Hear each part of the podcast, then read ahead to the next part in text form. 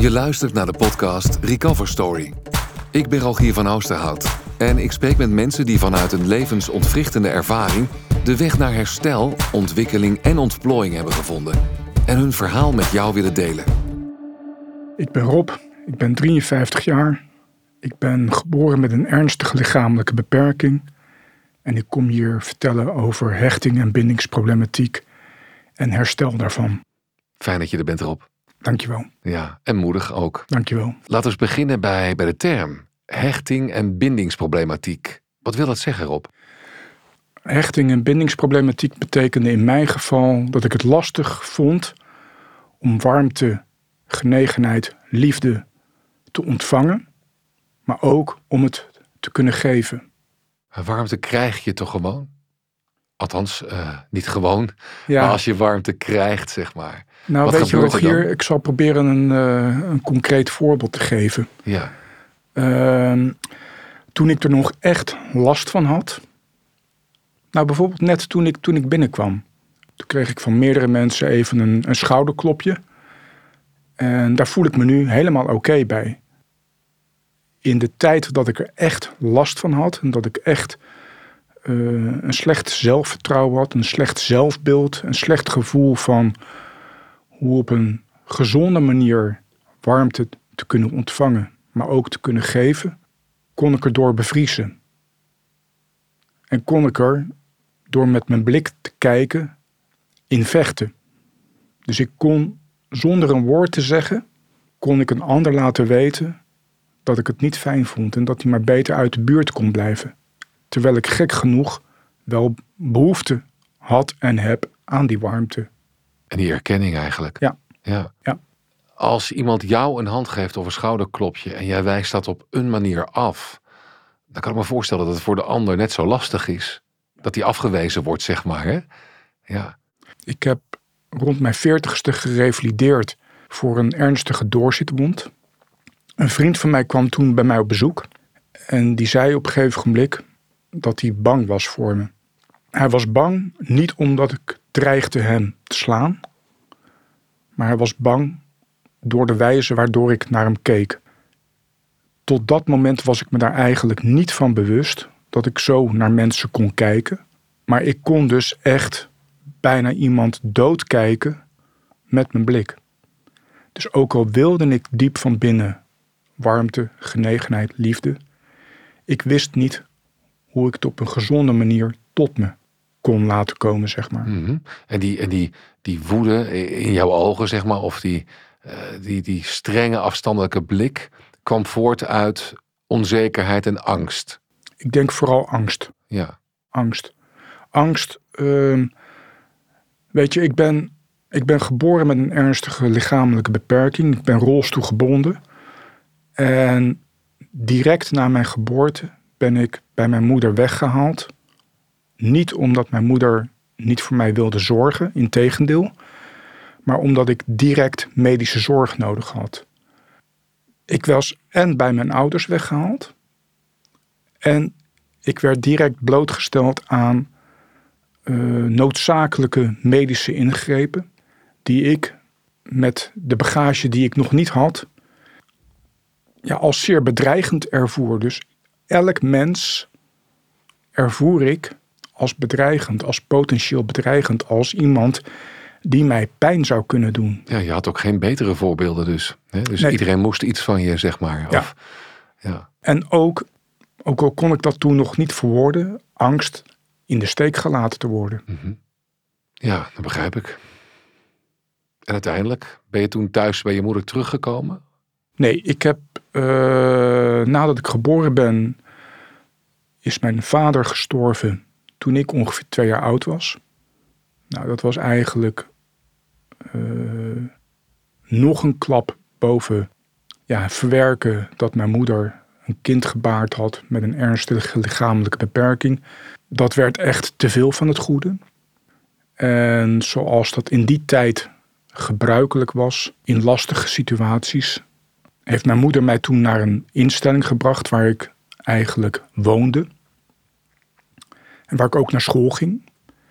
En ik ging alleen eens in de zoveel weekenden naar huis. En ik ging gedeeltes van vakantie naar huis. Maar een echte bandbinding met thuis, zoals je die normaal gesproken zou hebben, ja, die had ik eigenlijk niet. En die voelde ik ook niet. Nee. Je zei net ook dat je moeder, dat het te veel was voor je moeder. Dus ze, ze heeft daar flink onder te lijden gehad. Dat ze een kind gebaard had met een uh, ernstige beperking. En daarbovenop kwam nog eens rouw. Begrijp ik dat goed? Het feit dat ik direct na mijn geboorte bij mijn moeder weg ben gehaald, dat is iets wat ze eigenlijk nooit een plaatsje heeft kunnen geven. En dat, dat heeft bij haar onherstelbare schade opgeleverd. En dat is ook een van de dingen ja, waar ik aandacht voor wil vragen en waar ik me in mijn werk ook voor in wil zetten. Ja, je bent nu een aantal jaar verder. Je ziet er ogenschijnlijk stabiel en happy uit in die zin. Heb kun je zeggen dat je daar een weg in gevonden hebt nu? Ja, alleen is dat niet vanzelf gegaan. Ik voel me oprecht happy. Ik zit oprecht oké en lekker in mijn vel. En ik merk eigenlijk elke dag dat dat steeds verder doorgroeit, zeg maar. Ik ben rond mijn 24ste uiteindelijk op mezelf gaan wonen. En heb ik rond mijn 30ste voor de eerste keer professionele hulp gevraagd. Met mijn beperking aan de gang gaan was echt nog een brug te ver. Dat, ja, dat, dat kon ik niet. Het copingmechanisme wat ik ontwikkeld had, was ook veel te sterk om daar al direct mee aan de slag te kunnen. Maar ik heb wel een, een begin kunnen maken eh, met ja, de band met het gezin waar ik uitkom te herstellen, te verbeteren. Hoe heb je dat kunnen doen? Door uiteindelijk proberen toch het gesprek aan te gaan. Het gesprek met mijn moeder aan te gaan en ook naar mijn zus en mijn broer dingen aan te geven. Doordat we met elkaar in gesprek raakten, kregen we over en weer ook meer inzicht in elkaars situatie en begon er ook over en weer begrip te ontstaan voor elkaars situatie. En zeg maar tot aan mijn dertigste had ik vooral in mijn wereld geleefd, met de boze buitenwereld. En de winst die vanuit die eerste keer uit nood gedwongen, maar wel bewust hulp zoeken was, dat mijn gezichtsveld breder werd, dat ik me ook bewust werd van het verhaal van andere mensen. En dat is winst die nodig was om ook verder te kunnen gaan.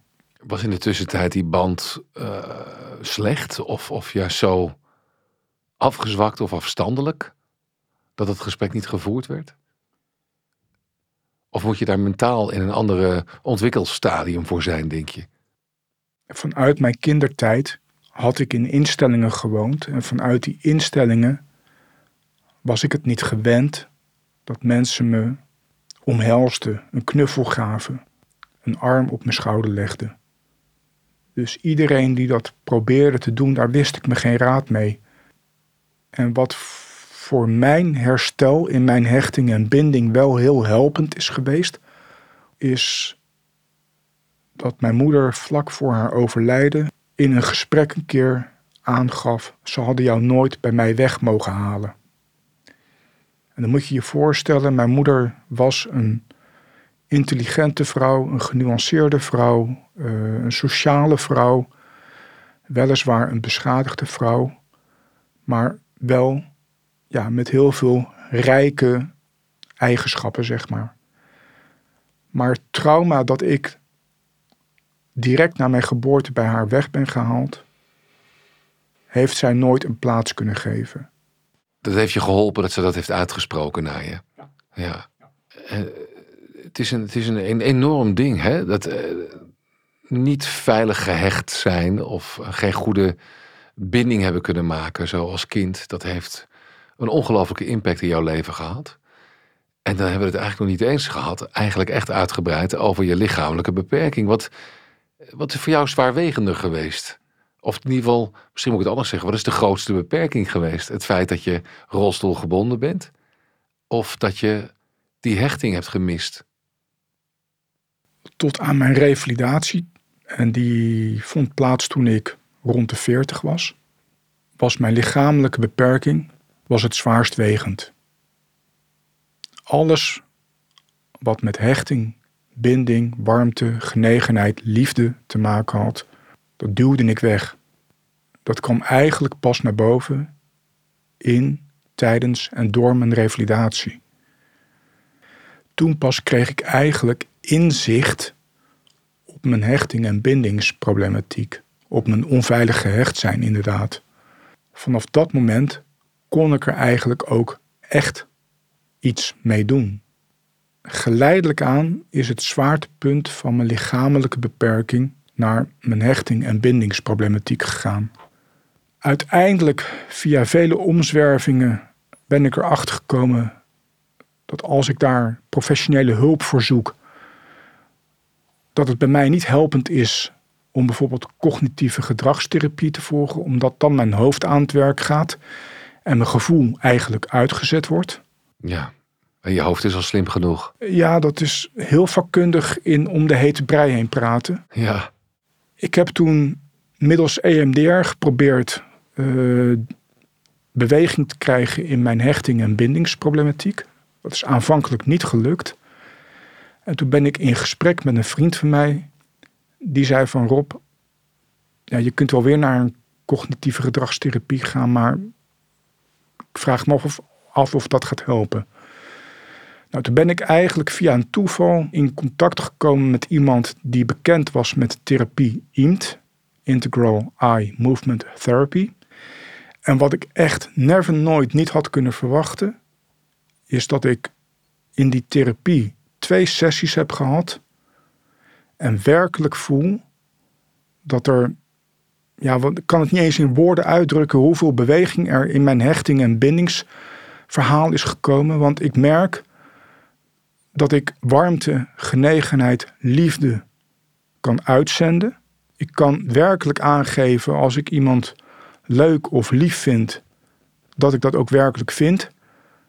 En ik kan daar ook, ja, ik kan dat ook met die intentie zeggen, zoals ik het bedoeld heb, zeg maar.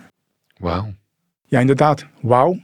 Ja, ik, ik heb die therapie nog maar heel kort geleden gehad, maar het is nog steeds een wauw-ervaring. Mhm.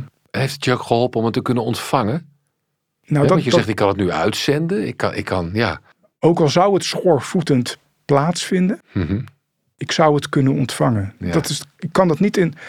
Nee, maar dat, dat zegt, Dat, ja. dat voel ik hier, zeg maar. En, ehm, en het rare is, ik ben er ook klaar voor. Ja, nee, dat wou ik zeggen. Zo klinkt het dus. Je bent Ja. er klaar voor. Ja, En dan moet de echte ervaring nog komen. En er is misschien een beetje koudwatervrees op dat moment. precies. Maar springen ga je. Ja. Ja. Wat super. Herstel is geen sprintje. Het is, het is een marathon. En het is een marathon waarbij je veel obstakels tegenkomt. En doorzetten en geloven in jezelf. Mooi. En dat eindigt voorlopig nog niet, wil je zeggen ook.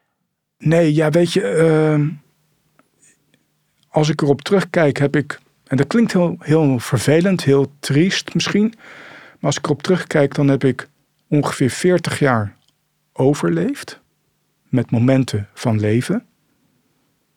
En vanaf mijn 40ste, ruim een jaar na mijn revalidatie, heb ik deelgenomen aan de Handbike Battle. Dat is een handbike evenement in de bergen van Oostenrijk.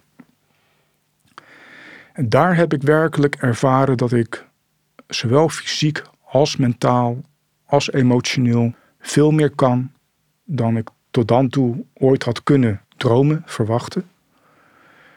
En dat is eigenlijk nog steeds een blijvende inspiratie om kracht uit te putten om verder te gaan, zeg maar. Ja, daar, daar doe je vertrouwen op. Ja. We zijn met elkaar in gesprek, ook omdat je je verhaal wilt delen. In de hoop ook dat je andere mensen kunt aansporen of kunt aanmoedigen. En vooral verder te gaan. De weg naar herstel in te zetten. Wat zou je die mensen willen meegeven? Die luisteren. Herstel is een verhaal van doorzettingsvermogen. Niet alleen voor jou als individu, maar ook van de mensen om je heen. Herstel is ook oog hebben voor mensen om je heen. Voor de gezinssituatie. Ehm, geheel tegen mijn verwachting in is herstel van hechting en bindingsproblematiek mogelijk. Ik durf dat echt met overtuiging te zeggen. Als ik alleen al de afgelopen tien jaar bekijk van mijn herstel, ja, dat is onvoorstelbaar. Eigenlijk van stilstand naar leven. Je bent 53 op, op de helft van je leven. Mhm. Hoe gaat die komende helft eruit zien? Wat ik, wat ik heel graag wil, en dat is iets heel concreets. Aan het begin van dit jaar is me de vraag voorgelegd hoe ik het zou vinden om in Scandinavië te gaan fietsen. En dan in het bijzonder Noorwegen. Nou, Noorwegen staat echt torenhoog op mijn bucketlist. Eh, daar ligt voor mij nu een belangrijk stuk focus ook op. En voor de rest proberen gewoon te leven. Het gaat je lukken. Wie zal het zeggen? Ja. Dankjewel Rob. Dankjewel. Dankjewel. Dit was Recover Story. Deze podcast kwam tot stand door Fameus en werd mede mogelijk gemaakt door gemeente Tilburg.